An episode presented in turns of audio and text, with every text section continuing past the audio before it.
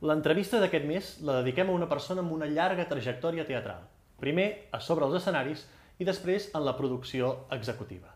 Actualment és un dels tres socis que formen de Goll de Gom. M'estic referint a Anna Rosa Sisquella, al qual li agraïm molt que hagi acceptat l'entrevista de teatre musical i que ens hagi obert les portes eh, de Degoll de Gom per fer aquesta entrevista. Encantadíssima.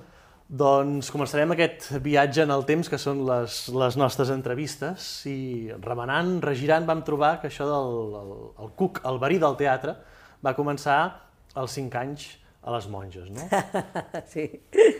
Bueno, de fet, jo anava a les Salesianes, i les Salesianes i els Salesians han tingut sempre a part de ser, unes, ser monges i tenir els efectes que tenien, però també tenien una gran passió pel teatre. De fet, hi havia una biblioteca que es diu la Biblioteca Salesiana que editaven obres uh -huh. de teatre que també s'havien adaptat per noies i per nois, perquè clar, no, no, podien, no podien ser tots els... Llavors, amb, jo recordo que una de les primeres obres que vaig fer era La xica del gato, ja no sé ni de què era, però a més algunes eren obres més o menys comèdies conegudes que les adaptaven. Llavors tenien un teatret, tots aquests teatres, aquests col·les tenien un teatret, una sala d'actes, i cada any feien una obra. Llavors jo, que tenia una germana bessona, que sabeu que tinc una bessona que és periodista i tal, i les dues érem, ens semblaven molt, doncs sempre ens feien sortir. I la veritat és que jo recordo molt aquelles funcions del col·le, no? De, de, de, bueno, jo crec que a partir d'aquí va ser quan realment, quan vaig acabar el batxillerat amb una amiga meva, que ara és catedràtica d'Història, vam dir, bueno, pues nos podríamos apuntar a algun sitio a hacer teatro, perquè ja parlava en castellà. I llavors, eh, bueno, pues, al final vam anar a parar a l'Orfeo de Sants com una, com una cosa com si diguéssim, com una activitat absolutament col·lateral. Eh? I encara ni a les monges ni a l'Orfeo de Sants això es veia com una professió. No, era com no, un, no, no. un extraescolar, un Per començar, un era molt difícil en aquell moment que algú digués jo vull ser actriu perquè eh, no, en aquell moment hi havia, quasi bé ningú vivia del teatre. O sigui, no, els que vivien del teatre havien marxat a Madrid, tots, els professionals, els grans actors ja professionals. Havia desaparegut la professió. Llavors tot era teatre o universitari, amateur o vocacional, però no hi havia, aspirar a això era, en principi, era una borrada. I, i a l'Orfeó de Sants comencen aquests, tres anys bueno, allà llavors i comença jo, una formació clar, no, potser llavors, seriosa. Això són les circumstàncies que van passant a la vida que et van conduint als llocs que, on no pensaves que arribaries mai, perquè jo a l'Orfeó de Sants vaig entrar, llavors em vaig començar, em va començar a agradar molt, me'n recordo classes de dramatúrgia, amb el Pere Planell ens feia, eh, el Pere Planell ens feia eh, expressió corporal, Després hi havia el, el Xavier Romeu, el germà del, del Quico Romeu, que feia classes també, de, que escrivia obres de teatre. I llavors hi havia el Lluís Pasqual, i el Lluís Pasqual, que era un, bueno, té un, un o dos anys més que jo, era un jovenet, però que ja venia, havia fet més teatre i tal, doncs eh, va, va muntar, en un moment determinat, jo vaig fer un parell d'obres, primer del Xavier Romeu, amb el, amb el Josep Anton Codina, que no sé si el coneixeu, el Josep Anton mm -hmm. Codina és un dels directors, podríem dir, històrics d'aquest país.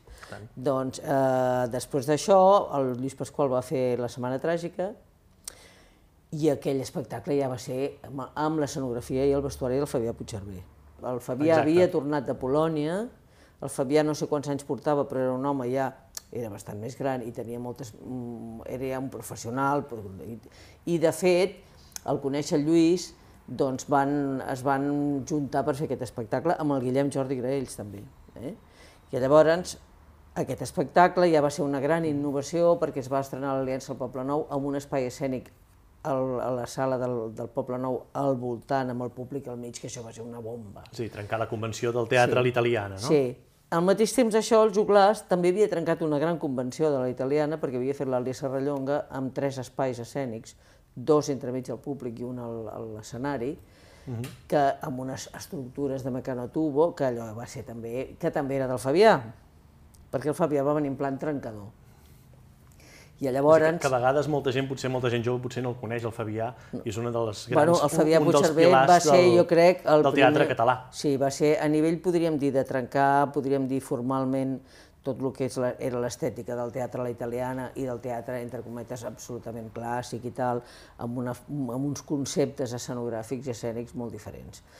I llavors això va començar, bueno, doncs el Lluís Pasqual s'hi va apuntar, altra gent s'hi van apuntant, i llavors, eh, a la Setmana Tràgica, què va passar? Pues que mentre jo estava fent la Setmana Tràgica i estava estudiant a la universitat, jo estudiava Història, s'estava fent també l'Àlia Serrallonga, al Romea, i llavors va haver-hi un fatídic accident de la Glòria Ronyoni i llavors jo, van, el Fabià, tenien una gira, li va preguntar a l'Albert Boadella tu què, qui, qui demanes, qui vols, qui tal, i li va dir, home, mira aquesta noia que està allà el, a la, la, la, la, setmana tràgica i potser ho farà. Però em va trucar el Boadella i jo primer li vaig dir a l'Albert, ostres, no ho sé, perquè era, una, era deixar-ho per un any, tenien gira, Vam fer gira per Sud-amèrica, vam fer gira, vam anar a la I no era allò que pots tornar a prop de casa, quan és Sud-amèrica no, estàs fora, no? i sobretot que no? havia de deixar els estudis, vull dir, havia de deixar els estudis i jo m'ho vaig plantejar, que després l'Albert va dir, tu t'ho has plantejat, jo que t'he demanat que això tan important, s'ha de dir que jo havia vist el Juglàs, els dos primers anys que vaig estar, eh, que ja portava l'Orfeó, mm. havia anat a un festival de mim, festival, festival internacional de mim, i havia vist el Juglàs fent Cruel Ubris uh -huh. que em va entusiasmar. Jo vaig dir, hòstia, si algun dia volgués fer teatre, m'agradaria estar en una companyia com aquesta, perquè era, Corel Obris va ser una bomba, eh? va ser també l'inici d'un teatre molt diferent que es feia a Catalunya. Després ha esdevingut una altra cosa, però en aquells anys era realment... Sí, sí, molt trencador també. Impactant. Bueno, total, que llavors jo eh, vaig, eh, vaig acceptar i vaig anar de gira i així va ser. I després ja el que és el verí del teatre és, és, és fotut, perquè quan entres, i a més en una companyia com Juglàs, que va ser, era, era un èxit a tot arreu, vam anar al Festival de Cabenet Caracas, al Festival de, de Sao Paulo, tot eren gent que et collia, jo tenia 21 anys i vaig fer una gira que, bueno, vaig, eh, vaig tornar a l'alada, podríem dir. No? Es van ajuntar potser dos factors que a vegades costa que s'ajuntin, que és la joventut, que tens aquella mm. força per, per fer-ho tot, i una efervescència teatral. Sí. Lluís Pasqual, hem dit uns noms només, Lluís Pasqual, eh, Fabià Puigcerver, eh, Albert Boadella, que en aquells moments estaven... Sí, i tots els actors de Juglàs, perquè Juglàs no era Albert Boadella, era una sí, companyia sí. que portaven 10 anys, llavors ells portaven 10 anys, que no, em semblava una bestialitat que jo me'n recordo que va ser el primer sou que vaig guanyar, eren eh, 10.000 pessetes al mes, que era, en aquell moment, era una cosa brutal pel teatre, 10.000 mm-hmm. pessetes al mes, que ara serien eh, 60, 60 euros, crec. Sí, més o menys, sí. Sí, sí. 160, sí. 60 euros al mes, i la dieta que cobràvem, també me'n recordo, eren 300 pessetes però bueno, evidentment era proporcionat. Però bueno, en aquell moment això sí, sí. era, doncs, bueno, era un, un, una sort una sort de poder, de poder estar en aquesta companyia, amb la qual, evidentment, a pesar de que era el juglàs i de que estàvem en això, conduïem, muntàvem, desmuntàvem i actuàvem. És a dir, aquesta paraula de tècnics i gent que fa coses no existia. No Allà els bolos duraven, un bolo de l'Àlia Serrallonga, doncs igual durava 18 hores, és que arribaves, muntaves... Arribaves a primeríssima hora del matí, muntaves, actuaves i desmuntaves i carregaves les furgonetes. I conduïes potser algú fins i tot sí, la furgoneta. Jo no conduïa perquè no tenia carnet, però els que tenien carnet conduïen. Això era la vida. Evidentment, en aquell moment ningú ho trobava superdur, era una cosa normal. Per això a vegades quan la gent explica als joves és que nosaltres... Jo dic, escolta, a mi no m'expliquis quantos, perquè jo m'he passat bastants anys, em vaig passar, fins que vam començar a tenir tècnics, perquè evidentment el de Goll de Gom també, mhm. muntàvem, desmuntàvem, conduïem, fèiem de tot. Veníem, trucàvem, paràvem a trucar els bolos, trucàvem a la gent, sí, sí. ho fèiem tot, vaja. I també amb un d'aquests noms que vas conèixer en aquestes èpoques va ser un muntatge que estava dirigit no, pel Joan Lluís Bonzo. Sí, bueno, el Bozzo, no, perdona, el Bozzo el vaig conèixer de fet, abans, perquè jo m'he deixat que jo vaig fer les troianes... Exacte, les troianes de, de, Sartre. De Sartre, les troianes de Sartre, i busco una noia, tal i qual. Llavors també em va, em va localitzar a mi. Llavors vam fer, la vam estrenar a la universitat, que era la Rosa Novella era l'Ècuba, la Isona Passola uh. -huh. era la Cassandra la Boja i jo era l'Helena de Troia. I, bueno, i després més actors que hi havia, però vull dir que allà ens vam conèixer les tres, que ens vam fer amigues, i, uh, i llavors aquesta, allà és on vaig conèixer el Botzo. Però llavors el Botzo se'n va anar a l'Emili.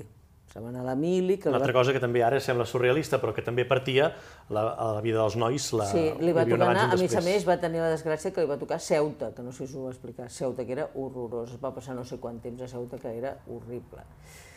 Total, que al tornar Uh, ja havia passat, jo havia anat amb joglars, tal, llavors ens vam conèixer, i Bots i jo vam ser parella, no sé si ho sabeu, vull dir, vam ser parella, ens, uh -huh. de fet ens vam casar, uh, i, uh, i llavors al tornar doncs, bueno, ens, vam, ens vam fer parella, llavors jo estava al, al, al de Goll de Gom, que m'havia cridat el Joan Oller. Exacte. I de fet el Bozo va entrar per mi, perquè per la, per la via, podríem dir, eh, per la via nòvio. Bueno, allà va ser la transformació de Degoll de Gom d'una companyia universitària a una companyia professional.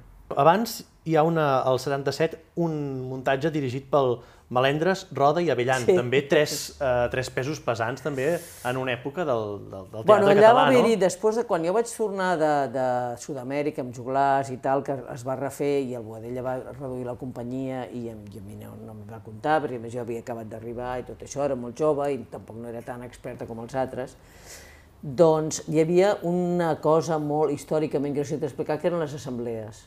No sé si t'ho va explicar el Botxo. En, en aquell moment que començava el furor, podríem dir, de la professió i el furor una mica democràtic, es va fer dues assemblees. L'assemblea d'actors i directors, on, que pretenia reunir una mica tota la professió, i després l'altra que era la del Saló Diana, que no me'n recordo com es deia, que era més anarcoide. Una era més pro suc, eh, bandera sí. roja, comunista, i l'altra era més, podríem dir, eh, CNT, eh, els partits, o la, més anarquistes. Llavors, amb, eh, jo, amb- eh, la gent es va apuntar, inclús hi havia com una mena de confrontació amb les dues assemblees. Eh? Hi havia la gent que... Una era bastant liderada pel Mario Gas, el Carlos Lucena, tota una sèrie, i l'altra hi havia doncs, el Melendres, el, el Roda, l'Avellan, sí i nosaltres, jo em vaig, em vaig apuntar a aquesta assemblea. I llavors es va decidir fer un espectacle, així com una mica de tots. I llavors vam fer la caiguda Teatre. irresistible de- del teatre vertical, que va ser realment una caiguda total, perquè va ser un fracàs, va ser un fracàs rotund. Es va, es va, es va fer amb, amb tres directors, amb tota una sèrie de contes que estaven, podríem dir, històries lligades, relacionades amb el món del teatre, però bueno, va costar molt. Es va, jo me'n recordo que la vam fer a l'Orfeo de Sants, però bueno, no va venir ningú, va ser bastant un desastre. Com ja has dit, estaves a Degoll de Gom, hem explicat ja també l'entrada del Botzo al, Sí. al Degoll de Gom, i una dada curiosa, que és que vaig trobar en el llibre vermell, que explica una primera part de la història del, del Degoll, que portes 1.200 funcions a Degoll de Gom posava Sí. allà, i que era el rècord. No sé si aquest rècord encara s'ha superat. Bueno, jo crec que el Miquel Perill en va fer més. Pues sí, home, la veritat és que eren perquè llavors es feien moltes funcions. A veure, un espectacle, jo crec que de grups en vam fer 500 i pico. De, de, de la nit de Sant Joan en vam fer moltes, o sigui, fèiem moltes funcions, fèiem molts bolos, anàvem de gira a tot arreu, anàvem, a, bueno, anàvem un mes a València, mm, dues setmanes a Sevilla, una setmana a Bilbao, eh, ens anàvem a pobles i poblets i poblets i poblets, i, i fèiem molts bolos, o sigui, els estius era no parar, m'entens? I, bueno, i després les temporades. Ah, per tant, realment són funcions, sí, sí. Sí, sí, es diuen, es diuen aviat, però són funcions. Sí. I d'aquí de Degoll de Gom, que ja ho havies apuntat una mica, el no hablar en classe és el pas de dir passem a ser una companyia, eh, el que s'entén ara avui en dia per Sí, una companyia jo de de fet teatre, a mi em va servir molt haver estat a Joglars, perquè jo a Joglars, eh, Joglars portava 10 anys de, de, de, de, de, de, bueno, d'existència i estaven organitzats. Mhm. Estaven organitzats i molt ben organitzats. Bueno, llavors aquesta, jo que era una ninyata que m'emprenien el pèl, perquè bueno, el Boadella feia plorar tothom sempre, però llavors, però clar, això que dius dels, de, de, de vegades de la mili aprens, no? Doncs allà vaig veure inconscientment vaig anar veient com funcionaven, com, com, com s'organitzaven, com pagaven, com tal, i, i llavors entrar de Goll de Gom i a fer-se professional, jo una miqueta vaig aportar doncs, la manera de fer eh, que tenien ells, no? En quant a, per exemple, bueno, quan es cobrava alguna cosa, doncs allà no, allà no es repartia, com feien moltes companyies, que en el fons es repartien la pasta als bolos en aquella època, a part mm. que tot era... sinó que allà es donaven uns, unes coses fixes, l'altre anava per un fons, i llavors amb aquest fons anàvem comprant el material. Me'n recordo que amb no hablaré en classe, amb el que havíem estalviat, ens vam comprar 10 focus de mil, i me'n recordo aquell dia que vam anar a rebre els, els 10 focus de mil. Semblava que hagués arribat, doncs jo què sé, perquè era tenir 10 focus de mil de mil watts. Avui, era... avui en dia molt, els teatres, per sort, han canviat i estan ben equipats, Clar. però segurament als 70s, si no te'ls portaves tu, no tenies Bueno, és que a focus. més no hi havia teatres. Pensa que actuàvem moltes vegades en llocs absolutament increïbles, en centres, eh, amb, amb, amb col·les, amb instituts, en places que no hi havia res, amb, amb llocs que, que eren absolutament, no, no és que no tenien focus, que no tenien ni vàters ni res, vull dir, Llavors, sí, sí. tot això era doncs, anar- poder tenir un petit equip. Després ens van comprar uns bafles que eren uns Vieta 1, que eren de, cas de casa, o sigui que ara els posaries i no sentiries res. Però llavors de, era la manera de, de, bueno, de començar a donar-li una... I això, aquesta organització dels joglars, doncs una miqueta, aquesta idea de que això havia de ser una cosa que no havia de ser immediata, que havíem de continuar, que havíem de de- d'acumular... Mirar més enllà que no només aquell més enllà, que espectacle. havíem de pensar en el futur, això ho vam, jo, ho vam aplicar i va ser la manera de tirar endavant. No?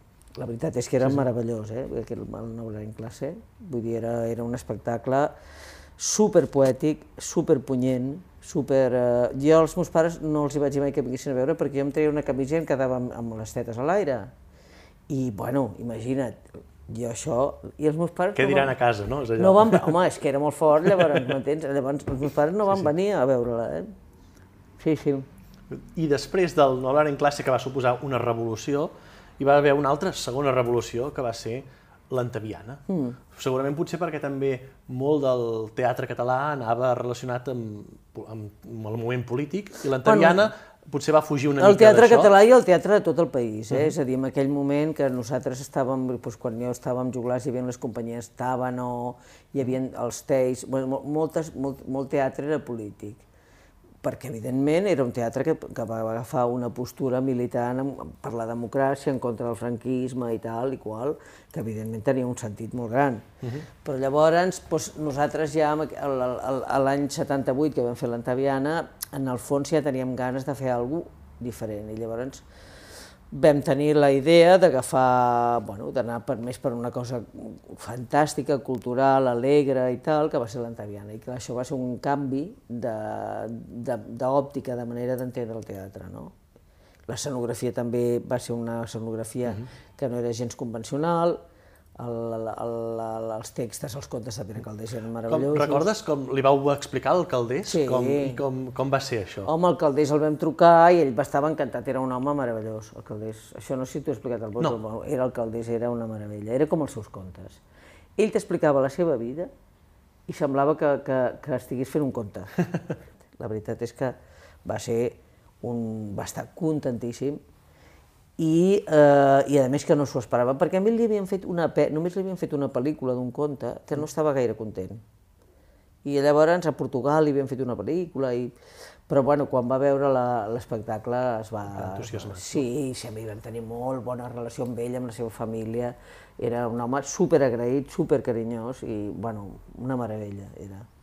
Jo recordo buscant coses de, de l'Antaviana, a vegades, saps com aquelles frases dels grans musicals de, de Broadway o de les Sí. grans produccions, allò, eh, amazing, es- espectacular, totes les crítiques que he anat buscant de l'Antaviana so, semblen d'aqu- d'aquesta categoria, és a dir, Sí. tot era, és d'una brutalitat espectacular. La veritat eh? és que va ser molt unànim, l'Antaviana. Eh, De fet, a Madrid hi vam anar tres vegades, crec. Vam anar una vegada a un teatre que ja no existeix, que era el Teatre Martín, després vam anar a l'Olímpia, i no sé si vam anar a algun altre, perquè doncs, funcionava molt bé i, i va, va, va quallar molt. I de l'An- de l'Antaviana neix també un, un matrimoni, crec, important per de Goll de Gom, que és, ho has dit abans, amb l'escenografia, no? Sí. El, amb la Montse Manós i Isidre Prunés, Sí. ostres, eh, jo crec que és un, una cosa que també ha... Sí, ha perquè un... era un moment en què treballàvem molt junts, era, era, o sigui, l'escenografia no, ara ha canviat molt, vull dir, no... Eren escenògrafs que quan es posaven en un projecte, eh, ningú tenia teles, ningú tenia altres coses, ningú tenia cine. Vull dir, eh, llavors què volia dir? Que desgraciadament o sortosament tothom es podia dedicar íntegrament al, a l'espectacle que estava fent, amb cos i ànima, amb tot el temps possible. I llavors això doncs, ja me generava moltes coses, entens? A l'Antaviana hi havia una cortina Sí. que la van cosir ells, que Sí, era, un punt, blanca que era un punt de creu, aquell, exacte. un punt de creu, doncs la van fer ells, perquè clar, tampoc tenien pocs diners, doncs allà es feia tot una mica, tothom feia de tot, saps què vull dir? Sí, sí. i a més era això, que acabava d'embolcallar, donar aquesta màgia que ja tenien Clar. els textos, no? també Clar. tenia Sí. la, la posada en escena. S'ha de dir que l'Isidre i la Montse, eh, eh, jo crec que havien tingut de professor el Fabià Puigcerver, el- havien estudiat escenografia a l'institut i també havien entrat en aquesta nova, podríem dir, mm, nova manera d'entendre el que és l'espai escenogràfic. No? I a l'Antaviana hi havia també el, la música del, Del feta, Cisa. del Jaume Sisa, que, però no estava sobre, sobre l'escena. No, va, jo crec que va estar al final, amb algun, que, que vam tornar al Romea i llavors amb, amb una de les tornades els vam incorporar els músics. Uh -huh. eh, vam fer unes quantes funcions al final que ell estava allà. Però lo normal, lo, de, lo principi, perquè doncs a va ser... l'Antaviana hi havia només... Eh, Era, quan... era, era gravat, era un playback d'ell i sí, sí. Exacte, i l'única cançó en directe la cantava la Rosa Sisquella sí. a la mítica escena de l'Antaviana del, del sopar de família. Sí, allà feia jo de nena que, que la gent flipava molt perquè feia uns, bueno, uns aguts, un falsete total, però clar, feia uns crits que al final la gent es pixava. que era una escena que a més era bastant curiosa perquè aquesta escena nosaltres fèiem els espectacles en, cata en català aquí i, les, i tot el que eren els països catalans i fora ho traduïem al castellà. Uh -huh. I quan viatjàvem i fèiem el castellà, anys després algú deia perquè aquella escena que hacíais en català i no és veritat, la fèiem en castellà però teníem tant accent i la cançó i tot plegat que al final la gent es pensava eh, que s'acabava amb, Hi ha la una per- escena en català. amb la percepció, perquè era una família catalana, la nit de Nadal, que era tan catalana que evidentment semblava que era en català. I d'aquest matrimoni amb el Cisa, de, de fer les cançons, que llavors ja hi neix també la nit de Sant Joan, mm. és un, potser l'Antaviana marca que, aquesta línia cap al teatre cantat, cap al teatre musical? Sí, nosaltres llavors vam començar a veure musicals, vam viatjar a Londres, vam, eh, bueno, també havíem vist, també vam veure que la part musical era molt important, que connectava molt amb el públic, que feia que, que les cançons del Cisa doncs, realment ajudaven molt a l'espectacle i li donaven un d'allò, i llavors ens vam, vam començar a avançar amb aquest terreny de... No és que haguéssim anat a veure molt abans, és a dir, a partir de fer-ho vam començar a, a veure Sobre i la anar a veure, a veure musicals i a pensar en tot això. Hi havia, en aquell moment hi havia Tava, no?, que feia Castanyola 70, que era un musical així molt... Comedians també portava una sí. mica de, de, de, de, bueno, de rotllo musical i tal, i nosaltres doncs, vam entrar en aquesta via de, del Cisa, que nosaltres doncs, ens vam realment enamorar de la seva música amb a, l'Antaviana. No? I d'aquí neix la, la nit de Sant Joan, que Sí. és, hi ha un canvi perquè el, el Cisa estava allà, sempre, sí. el, músics en directe, eh, a més a més els actors cantaven, eh, això com es viu? És, és allò de la família va creixent, no? I la, i la infraestructura que es necessita cada bueno, cop és el més Cisa gros, t'he no? de dir que el Cisa, els músics no sempre eren en directe, ara que ho deixo. El Cisa vam fer en directe a Barcelona i Al tal, Romea. però després la gira era playback i el Cisa cantava. Però no, no hi No, era, no hi el- havia els músics a la gira. no, perquè anàvem a llocs molt petits que era impossible. Llavors ell anava, anava ell i sobre la, la, la musical, com, com tots nosaltres. Llavors, bueno, aquesta gira va ser una gira... Bueno, això va ser, no sé si et vas pagar el vots, al primer moment ens van, ens van matxacar, perquè és el típic del, dels èxits i els fracassos, després d'haver fet l'Antaviana, que havia sigut tal, doncs al principi de tot va semblar que la nit de Sant Joan no era ni molt menys allò, i que tal, i que qual. Ara, després va resultar que va tenir tantes o més funcions que l'Antaviana, també la versió castellana la van fer el Mercè, si no pots, el Xavier Mercè, sí. ai, el Joan Mercè, el Gil de Viedma, sí, sí, sí. això va ser també molt, Sí, sí, sí. molt important, i la veritat és que va anar molt, molt bé al final. No? Sí, I de la gira castellana hi ha una crítica, que hi ha un, un comentari, una mica el que has dit tu, no? Diu, potser em van sorprendre més amb l'Antaviana, potser no m'han sorprès tant amb la nit de Sant Joan, però el destacava el gran talent còmic de l'actriu Anna Rosa Sisquella i sus piernas, perquè en castellà.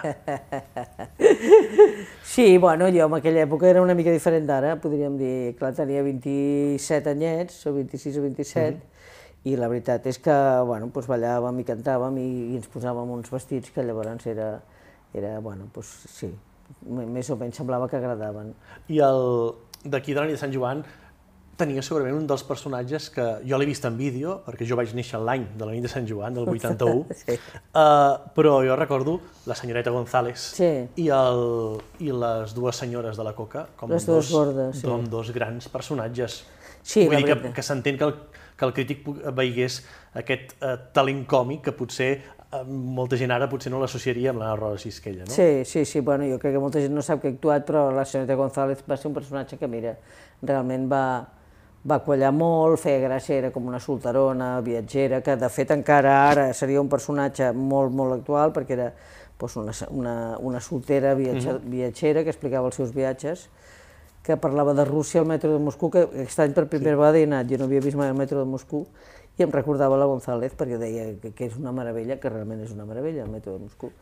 I, i era, bueno, doncs això, era, aquella, era la paròdia de la, de la dona viatgera que al final se l'emportaven a les galàxies. Uh -huh. I era, feia aquella cançó dels marcianitos, perquè els seus viatges, al final, un fullet, en vez de portar-la, la portava a les galàxies. I la veritat és que ens ho passàvem molt bé, eren, eren uns esqueixos, uns esquetxes molt, molt frescos, molt divertits, era per tots els públics, vull dir, amb això vam aconseguir molt, doncs, realment que molt...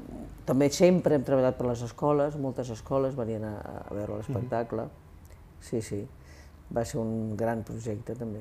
I de la nit de Sant Joan, això que dèiem, anem creixent no? com a companyia i ens anem als clubs. A la nit de Sant sí. Joan ja hi començaven, jo ho he vist en, en vídeo, a haver micròfons inalàmbrics, que sí. avui en dia potser és una cosa molt habitual, però als anys 80 no era tan no, era, assequible era, hi havia, ni, ni poc... Hi havia uns micros de mà, no, eren, sí, eren micros de bola, però mm. inalàmbrics. Exacte. Que en teníem dos i ens els anàvem passant.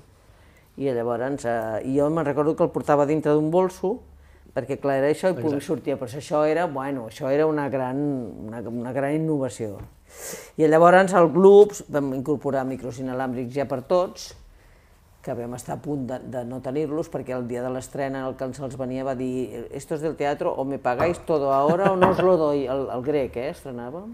Déu-n'hi-do, això. Sí, sí, me'n recordo que ens van costar, crec que 5 milions de pessetes, o sigui que llavors era molta pasta. I, uh, i el tio ens va dir que si no portàvem la pasta, que ell no.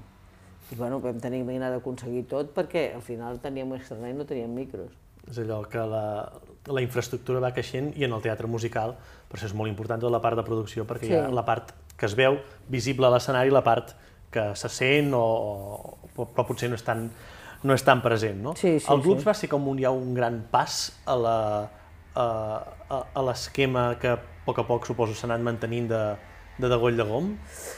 Sí, bueno, tot va anar progressivament. És Perquè a dir, el grup és, per exemple, l'últim espectacle on, que jo, on, que on jo, actues, sí, no? Sí, bueno, jo vaig deixar el grup per motius personals, perquè em vaig separar del Bozzo, llavors me'l vaig deixar, vam muntar una altra companyia que va fer l'Antaviana, Exacte, sí, i llavors jo ja anava de road manager i portava la producció i tal. De fet, en aquell moment també estaven dividits, perquè quan el grup se'n va anar a Sud-amèrica, el Miquel Periel també portava els números i tal. Però una mica tota l'organització, cada cop jo sí que m'anava implicant més, perquè inclús la venda de bolos, els pactes, tot això, eh, doncs, uh -huh. normalment ho feia bastant jo, tot i que ens repartíem molt més la feina. Però què va passar? Bueno, doncs que quan ja vam acabar el grups i vam acabar l'Antaviana i vam posar-nos a fer el Mikado, que ni jo ni el Bozzo, el Bozzo no volia sortir i no cantava, i jo tampoc, ja ens vam d'alguna manera repartir les tasques de que no vol dir que jo, jo continuava totalment amb la cosa artística, és a dir, la producció executiva, el que jo vull dir és que no és només portar els números, això és comptar, ser comptable o ser administrador. Implica més coses. El, el productor és una altra cosa, el productor executiu, en el fons, en el fons, els grans productors executius són els deus ex màquina de les produccions, és a dir, són els que decideixen quin director agafen, quin equip tècnic agafen, uh -huh. quin pressupost fan, quin tipus de format fan, quin tipus d'estètica fan. Sí però amb això, en el meu cas, ho fem barrejat, és a dir, el, ho fem amb, amb, el, amb el Bots, el Miquel i jo decidíem tot això, però tota la part artística també. Sí, avui en dia això encara potser costa d'entendre, a l'època segurament bueno, costava molt d'entendre. No, ningú sabia, tu posaves productor executiva, així com el cinema estava absolutament eh, estava absolutament clar, eh, teatre era, però què dicen? Llavors hi havia gent que li feia repelús, o sigui, no podies parlar de diners, no podies parlar d'empresa, ui, empresa, no podies parlar de, de fer un pressupost, no podies parlar... O sigui, els productors eren, o els productors, o els que fossin, eren com si diguéssim els dimonis, perquè això era com una mena de, podríem dir, en el fons, un, una, un prejudici que s'ha anat desfent però que era brutal perquè és que A mi quan em deien la paraula empresari deia, però escolta, l'empresari és igual al productor, a l'emprenedor, al qui sigui, si tu el necessites, perquè no et fas tu empresari? Jo sempre molta gent el deia, però després tant tu sí, fes-ho. Una mica també era trencar dos tòpics, no? de dir, dels, el dels actors, i a més de teatre què fas, Sí. no? És, una, és una feina, i trencar també l'imatge del productor que va amb el puro. No? Sí, sí, Amb un maletí ple de diners i amb Això, un puro. això sincerament, doncs, eh, ha, sigut molt dur perquè durant molts anys era, era com allò de dir, jo me'n recordo, ja, potser fa 8 o 10 anys, amb, un, amb una trobada de, de, que es deia Escenium, de la de, encara hi havia gent que la paraula empresari li feia grima, però vull dir, però escolta, empresari vol dir fer una empresa, vol dir emprendre, vol dir emprendre un projecte, vol dir... Eh, bueno, però, però això ha costat molt, no? Fins que al final sembla que la gent ho va entenent. Sí. I la paraula productor executiu, que jo la posava, molta gent em preguntava, però tu què fas exactament? Sí, costa segurament Perquè no sabien el que feia, perquè inclús ara em diuen, però tu què fas? Dic, i tu perquè estàs tan reunida? Dic, bueno, jo faig perquè fer de productor vol dir posar en marxa i coordinar tots els equips que treballaran en un projecte. Pactar tots els catxets, pactar tots els sous, pactar les enteses, pactar els horaris, pactar els timings, pactar... I tot això requereix de, mi, mi, de centenars de reunions a cada projecte per posar-se tot d'acord. Ajustar després tot això a una mena de pressupost, fer un estudi de dir, bueno, a quin teatre aniré i què faré, quina furgoneta hauré de portar, quin camió hauré de portar. Tot això és una feinada que la gent, quan veu això, diu, però tu què fas? Dic, bueno, doncs això és, això és la organització estructural d'un projecte, que, en el cas del teatre, cada vegada que fas un espectacle és com si fessis una empresa nova. Perquè hi ha empresaris que et fan un bar, el decoren, tal, posen tot això, però bueno, potser es poden passar 10 anys que no el toquen i que els hi va bé i que potser canvien el pinxito de carn pel pinxito de no sé què, però, però clar, el teatre no, el teatre tu fas un any, una obra, un espectacle, i després, quan s'ha acabat, tornes a començar, és un altre, és un altre projecte, és un altre, uns altres gent que hi treballa, és un, és, i llavors això és cada vegada una empre, en el fons és emprendre una altra vegada. I en el primer muntatge que no actues, que estàs més dedicada en aquesta part, que és el Mikado, mm. déu-n'hi-do, no? Perquè hi havia 13 actors, 28 músics, 20 persones treballant de dissenyadors, tècnics, és a dir, eh, segurament és allò que deies, no? La, ja no és una cooperativa, sinó això ja ha de ser una estructura empresarial. Bueno, això va ser, sí, els 28 eren perquè estaven duplicats, perquè eren 14 i 14, però bueno, cada dia eren 14 músics, més, eh, quants actors dius que eren? 13. 13 actors i de tècnics no sé quants. una, entre dissenyadors, tècnics, una vintena de persones. Sí, no, no, era, era brutal, vull dir que, clar, era molta gent, molta gent, i llavors, eh, bueno, doncs això, la, la gent quan veu l'espectacle allà, doncs sí, però no se'n dona compte que, a més, un musical és molt més complex, perquè normalment de part la part tècnica tinc que tenir tres o quatre tècnics més segur, perquè n'hi ha dos de so, eh, després tot el tema de la, dels micros i de tot, bueno, hi ha, hi ha una moguda que sempre és molt més tècnica. Sí, sí, Quan has d'anar a un bolo per muntar, és molt complicat perquè has de muntar tot un equip. I, i ara encara hi ha, cos, hi ha llocs que estan una mica preparats, però és que al temps del Mikado nosaltres ho portàvem absolutament tot perquè no hi havia res Sí, enlloc. sí, un teatre segurament en aquella època, als 80, No tenia res. no tenia una PEA per fer un espectacle no, ni musical. una pea, ni una taula, ni res. Ho havies de portar tot tu. Mhm. Dins el bloc aquest que ja hem encetat de la, de la producció, mm. quan es munta un espectacle, quins grans blocs eh, diferenciaries a l'hora de, la, de mirar des del punt de vista de producció? És a dir, com, comença amb, amb reunions, de dir, tenim la idea de fer aquest espectacle, Bueno, clar, primer és, primer és tenir la idea.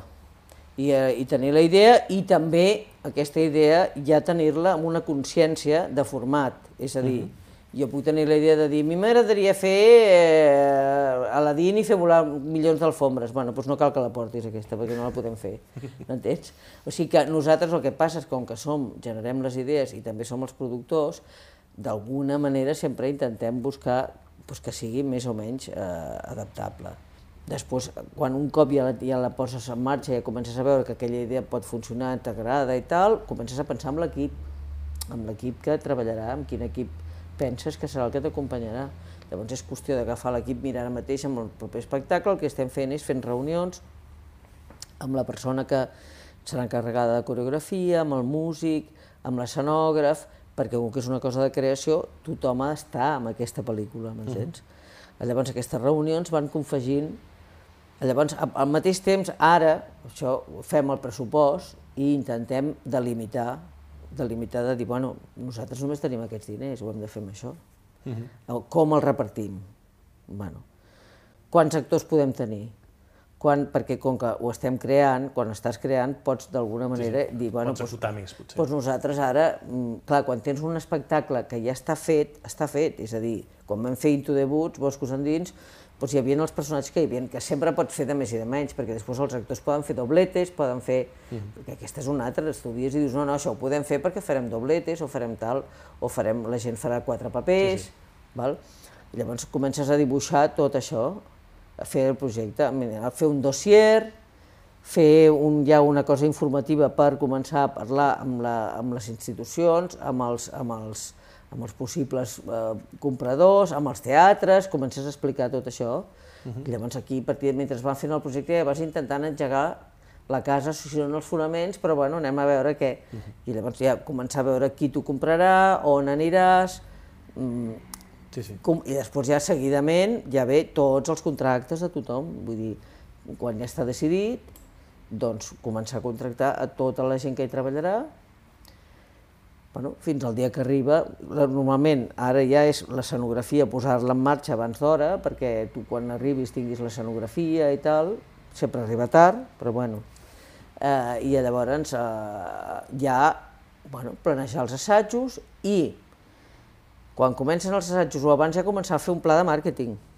eh, un pla de màrqueting de dir, bueno... Això ha d'arribar a la gent, no? Com ho farem? Quins pòsters farem? Quins anuncis de ràdio? Quines, eh, quines eh, eh, bueno, doncs, quin tipus d'imatge, quins, quins claims, que diem nosaltres els claims publicitaris pensem que té això important, amb quins, amb, quins, amb quins mitjans ens volem realment publicitar. Hi ha un llibre que es diu Màrqueting de guerrilla, que és jo no tinc milions de peles per fer molta publicitat, el que puc mirar és de si tinc alguna idea especial que em, que em doni una certa diferència entre la Coca-Cola i jo. Uh -huh. Perquè la Coca-Cola sí, sí. té molts diners per fer-ho i també a vegades té idees bones, però si en tinc alguna que és diferent, doncs aquesta és la que he de potenciar. Uh -huh. I una mica també el paper del productor és eh, lligar mons, no? perquè suposo que és diferent parlar amb un actor que amb el sector metal·lúrgic que et fa l'escenografia, ah, no? clar. que amb el sector d'una empresa de lloguer, eh, que amb la confecció sí, sí, de, sí, de vestuari, sí. és a dir, per molt que tots van a parar al mateix punt, que és que el dia tal s'aixequi el taló i allò estigui tot, sí, sí, cadascú sí, amb les seves el feines. És, el llenguatge és molt diferent i, evidentment, aprendre a saber negociar és molt important. Una de les grans produccions de Goll de Gómez, que ja ha sortit abans, el Maricel. No? Mm. El, si avui en dia encara es veu, quan s'ha fet el, el 2004 i, i la segona reposició, el 14, sí. el 14 eh, es veu un muntatge gran, el 88 això es devia veure com una bestiesa. Sí, això va ser molt, jo crec que va ser un dels grans èxits és que va ser superimpactant aquí perquè no s'havia fet mai una cosa tan gran i llavors, bueno, allà ens la vam jugar molt. Uh, la veritat és que a pesar de tot el seu, podríem dir, futur, el seu futur mm, escabrós del Jordi Pujol, en aquell moment ens va ajudar a nosaltres, perquè nosaltres no teníem diners per fer-lo. Llavors li vam anar amb la proposta i ell havia, ell havia vist el Mikado, ens va portar a Argentina amb el Mikado, amb unes jornades de catalanes i tal, perquè li havia encantat. I bueno, la cultura i havia funcionat molt bé i tot, i llavors ens, ens va, va confiar i ens va donar un suport especial, perquè no l'haguéssim pogut fer. Tot i així, tot i així, amb el que ens va donar el, el, el Pujol i el que... bueno, Pujol, la Generalitat, la Generalitat. no és que ens ho donés ell, eh? Però venia de presidència llavors, presidència tenia, no sé, jo com es, després ja hem vist tot el que ha passat, però en aquell moment a nosaltres ens va anar bé. Llavors el tema és que, que tot i així vam aixecar un espectacle que ens vam quedar sense un duro. És a dir, vam dir, si això no va bé ens arruïnem i pleguem, hem de plegar, perquè ens havíem quedat a zero perquè en aquell moment ens vam gastar 100 milions de pessetes, que era el que ens van donar, més el nostre, més el que vam demanar. I llavors, per sort, ens va sortir bé. Allà també vam, vam crear moltes coses noves, jo crec, dintre del teatre català a nivell de màrqueting. Uh -huh. Una era que les primeres banderoles que es van penjar a Barcelona van ser les del Maricel, que no fossin institucionals. Això a la gent la va impactar perquè va veure que era allò de això és important, si hi ha una banderola al mig del carrer. Mm -hmm. Després, la venda per la Caixa, que llavors va ser, era Caixa de Catalunya, sí. també va ser la primera vegada que vam vendre, que es va vendre, mai s'havia venut. Es venien les entrades a la Caixa. Això la gent també li deia, ui, si la Caixa ven això, és que és molt bo, m'entens? I a més a més... aquella part important que deies del màrqueting, no? Clar, tot això va juntat amb l'espectacle, mm. TV3 començava, ens va recolzar moltíssim. O sigui, TV3 ens va donar molta publicitat, ens va donar molta empenta i tal. Bueno, es van sumar moltes coses que van fer que l'espectacle de seguida pogués eclosionar tot Catalunya. I després va passar que a la gent li agradava molt, entens? Sí, sí. Però, clar, aquest primer, aquesta primera part l'has de tenir. Vull dir, ara costa bastant més. Segurament de la gent el que coneixien de l'espectacle era basat en una obra d'Àngel Guimarà bueno, i, i de Goll Lagom. La gent quan nosaltres... Perquè quan, Guino Bar no era conegut. Quan, no, què va. I quan jo anava a vendre això em deien, però vosaltres voleu fer una cosa de, de Guimarà musical? Esteu bojos. perquè era així, perquè, perquè clar, Guimarà era una cosa antiga, com la gent la considerava rància, uh mhm. -huh. saps? Per tant, això, tots aquests ingredients van ser molt, molt, molt importants perquè el Maricel realment funcionés. I va passar, i van passar i una temporada, es va anar a Madrid, es va tornar, sí. vull dir que va ser, diguem-ne, un, un èxit, segurament, dels èxits grans i sense precedents del país. No? Sí, sí, i després la gent també, a part de tot, aquesta cosa és que, a més a més de, ser, de tenir tot això, era un musical íntegrament català, perquè era a partir d'un autor que era Guimarà, que era un clàssic català. Tots els, el Guinovar era un descobriment d'un noi que tenia 25 anys llavors, que havia fet la partitura. La Montse sí, sí. Benós i l'Isidre eren d'aquí. El Xavier Bru de Sala havia fet la versió. És a dir, sí, respirava sí. que era un projecte molt ambiciós, però que no era una, no era una, una franquícia, no era una franquícia era un, un producte uh -huh. d'aquí. La gent s'ho va sentir molt, molt seu. No? I i ho saben, perquè ho repeteixo força sovint a la, a la web, que un dels espectacles que jo li tinc més carinyo i amor incondicional de, de Degoll de Gom i del teatre a Catalunya musical és el Flor de nit. Sí.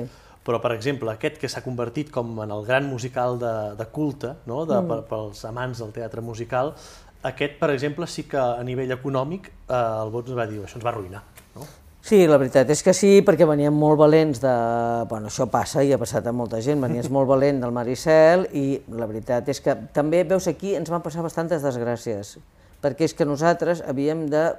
Eh, teníem el Teatre Victòria, es va fer nou, uh -huh. es va tirar a terra i es va fer nou i tal, l'havíem d'inaugurar, però què va passar? Que es va retrasar molts mesos. Llavors, en vez d'estrenar com s'estrena normalment, que això és molt important, el, el moment de l'estrena, Uh, en vez d'estrenar a l'octubre o al novembre, sí. vam estrenar a l'abril, que és una època molt dolenta per estrenar. Sí, sí. Amb totes les Olimpiades que semblava que havien d'ajudar, però que la gent també tenia moltes coses al cap i molta història. Llavors tot això també va representar conjuntament amb un espectacle que era brutalment gran. Sí, vam, vam fer una... va ser molt ambiciós, va ser molt maco el procés, perquè vam estar amb el Manolo Vázquez Montalbán, que ens trobàvem aquí, Llavors encara preníem whisky a les reunions, ara ja no. I, i, eh, i ens trobàvem i, i la veritat és que va ser un procés molt, molt, molt maco, uh mhm. -huh. però clar, després va ser molt farragós al final a l'estrenar aquest gran espectacle, amb estrenar un teatre nou, tot junt, va ser, uf, va ser molt dur, molt dur. Jo estava embarassada, més en aquell moment, anava amb un bombo de 8 mesos. Llavors, bueno, però, però, però bueno, la veritat és que també vam aprendre molt, també és, i bueno, jo espero que algun dia potser el tornem a fer amb més, potser canviant coses, reduint coses, però, però jo crec que és, que és un gran treball del Guinovar sí. també. Una de les coses difícils de la vida, quan et vas fent gran, te n'adones que és prendre decisions. Sí. Segurament en el teatre i sobretot en la producció és una de les coses difícils, sí, sí. no? prendre decisions i saber que aquella línia serà la correcta, no? Sí, sí, és, és, és, és el dubte permanent i això el temps sempre. Vull dir, cada vegada que deixes un espectacle dius, bueno, no sé, ja ho veurem, ja ho veurem, perquè la gent diu, bueno, doncs no ho saps però tu després et pots a treballar al màxim per que aconseguir el que vols, però bueno, i cada espectacle el bo també és que sigui un repte, eh? perquè en el fons si no, a veure, si no faríem una altra cosa que segurament sí, sí. guanyaríem més diners, però el, el teatre jo sempre dit que és com una mica com, un, com la gent que li agrada jugar al pòquer. Vull dir, Aquest punt addictiu. eh, el punt, podríem dir, de risc, també és un punt interessant, perquè al final saps que si t'arrisques molt, doncs, bueno, és quan et pot sortir alguna diferent. I si tu vas sempre a la mateixa fórmula, podríem dir, doncs és, és, és una mica més de lo mismo, saps què vull dir? Sí, sí, sí. I a vegades també és important, suposo, i, i trobar l'equilibri del costar quan has de dir no, això, senyors, això no, no ho podem fer. No? Per exemple, eh, recordo la notícia de la gira del, del Boscos Endins, mm. de l'Into de Woods, no? de dir eh, això no ho podem fer perquè en- ens estavellarem. No, no, no, sé si no, va ser no, això. clar, no, és que hi ha coses que ja no, i a més últimament hi ha els que són grans, és impossible a Catalunya, perquè a més a més també hi ha una altra cosa, el panorama de les, de les, dels va haver un moment molt bo de, de Catalunya, de, de, de, de molts diners des de les institucions i tal, de l'eclosió de la democràcia i tot això, la cultura estava molt valorada i molt tal. Ara, la, desgraciadament, les coses s'han canviat i llavors, bueno, doncs la gent va buscant coses molt, molt rentables, molt assequibles i totes les programacions són poc arriscades. Si algú diu vull començar a muntar una companyia, un projecte, quines quatre normes bàsiques a nivell de producció li diries? Sobretot, això, no, no falleu en això. Si és que hi són. eh? Home, eh, sí, eh, jo tinc una mica, fa molts anys em va regalar un llibre que es deia Com crear su pròpia empresa, que em feia molta gràcia, que, que era, al final de tot, deia, si tu no tens gent al teu costat disposada a aguantar-te la teva paranoia nit i dia i, i la teva obsessió i la teva...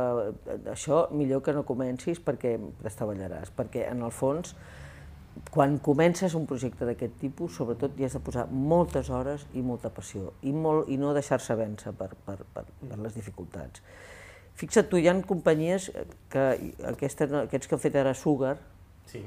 que, que, que, que eren, que, que me'n recordo que van venir a Victòria que vam dir, però si, què, fa, què fan, que no sé què, tal. Bueno, doncs han aconseguit arribar al, al Tívoli, han aconseguit arribar al Coliseum, jo els felicito, no els he dit, però van venir i que nosaltres dèiem, però si estan bojos amb això, què faran?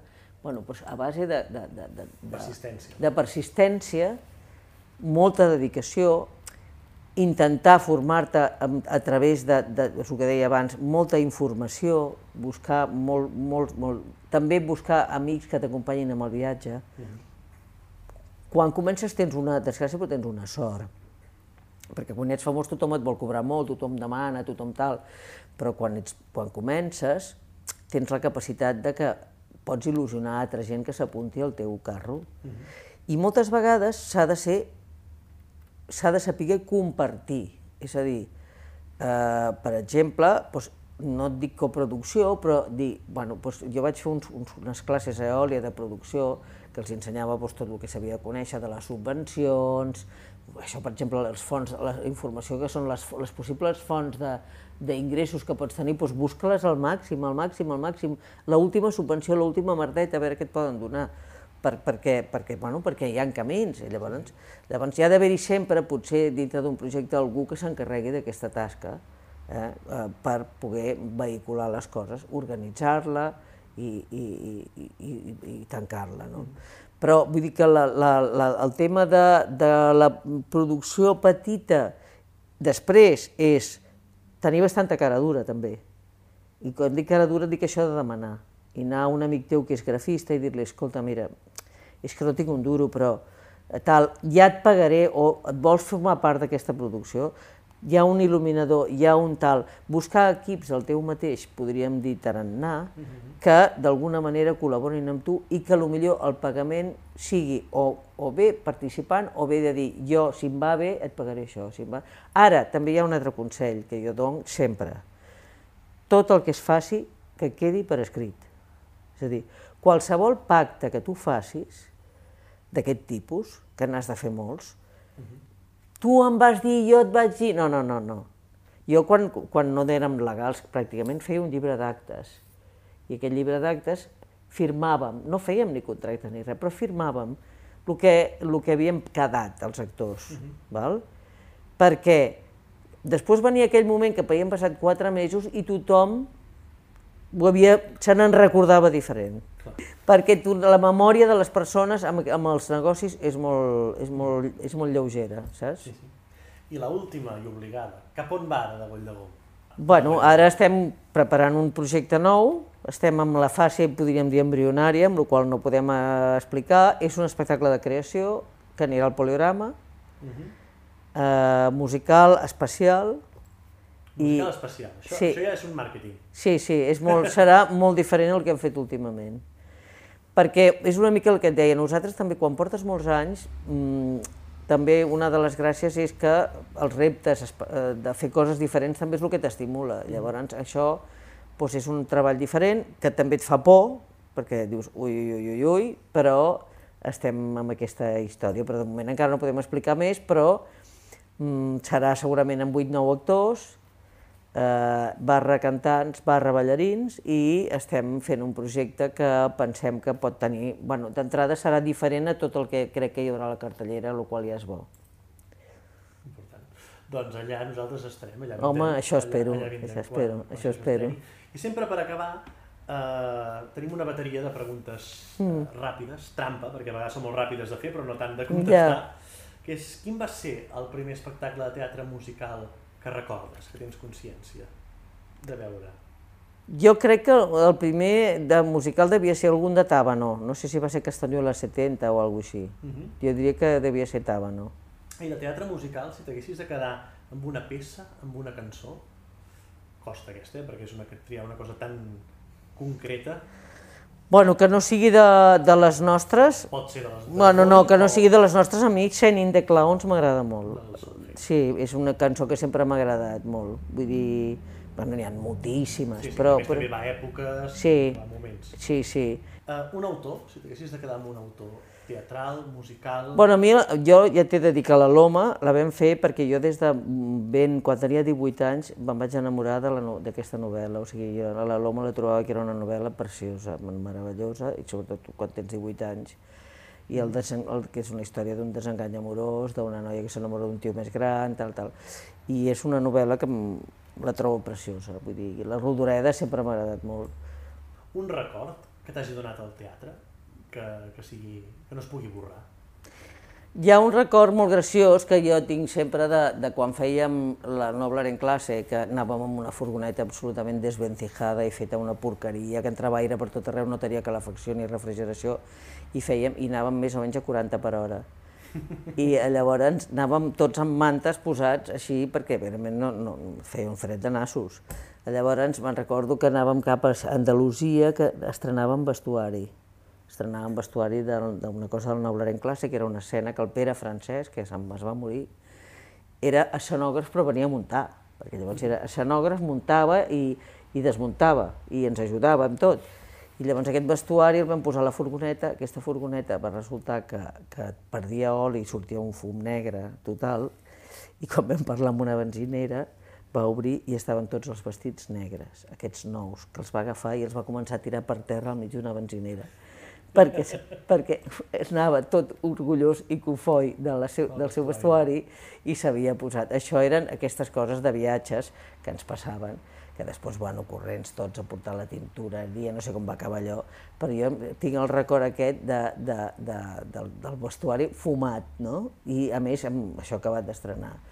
I després n'hi ha molts, home, n'hi ha un molt divertit amb el Cisa, que, que un dia la, la, la, fent la nit de Sant Joan, jo i la Briançó, el Cisa era, és molt, té molt mala vista, ara la té fatal, però llavors ja també la tenia, i llavors entrava, i entrava i no s'hi veia gaire, llavors va entrar i va relliscar i va caure amb la coca de Sant Sí, Joan. l'època. I llavors, com que era una coca rígida, no es podia aixecar. Semblava una, un escarbat, saps els escarbats que es queden cara amunt i no s'aixequen? Bueno, total, que jo i la Briançó, que anàvem de gordes amb els bolsos, ens vam començar a pixar de riure, que no podíem, no podíem, i el tio estirat a terra com una cuca, i llavors de darrere van sortir unes mans que van sortir entremig de l'allò, que van fer així, frop, i el van pujar, saps què vull dir?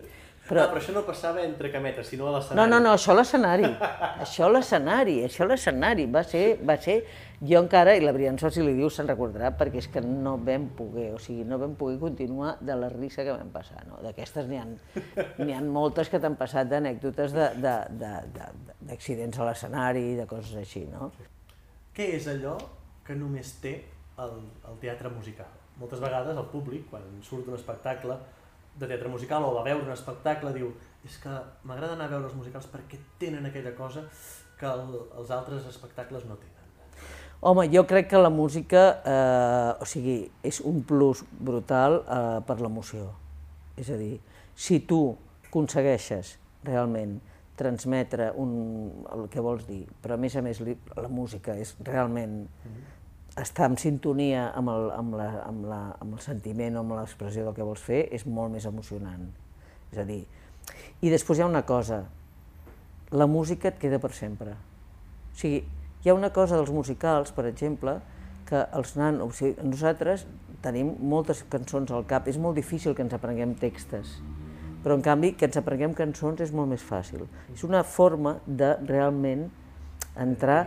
O sigui, quan nosaltres fem un musical, hi ha un moment en què hi ha un dia que dius no vull, vull, vull, vull treure del cap, perquè és que estic tot el dia sentint aquesta, aquesta música. Cançó. Per això li passa al públic també. El públic, per exemple, el Mikado, nosaltres, me'n recordo, el primer que vam fer, que vam fer uns discos i tal, que molts, molts amics ens deien, ostres, que no puc més, el meu fill me l'ha fet posar 25 vegades.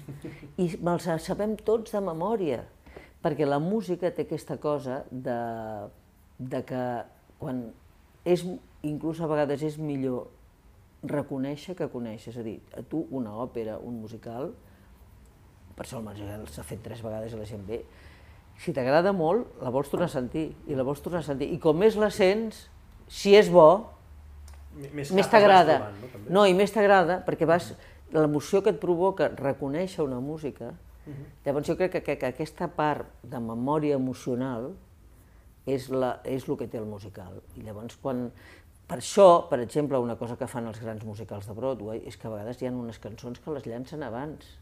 Uh -huh.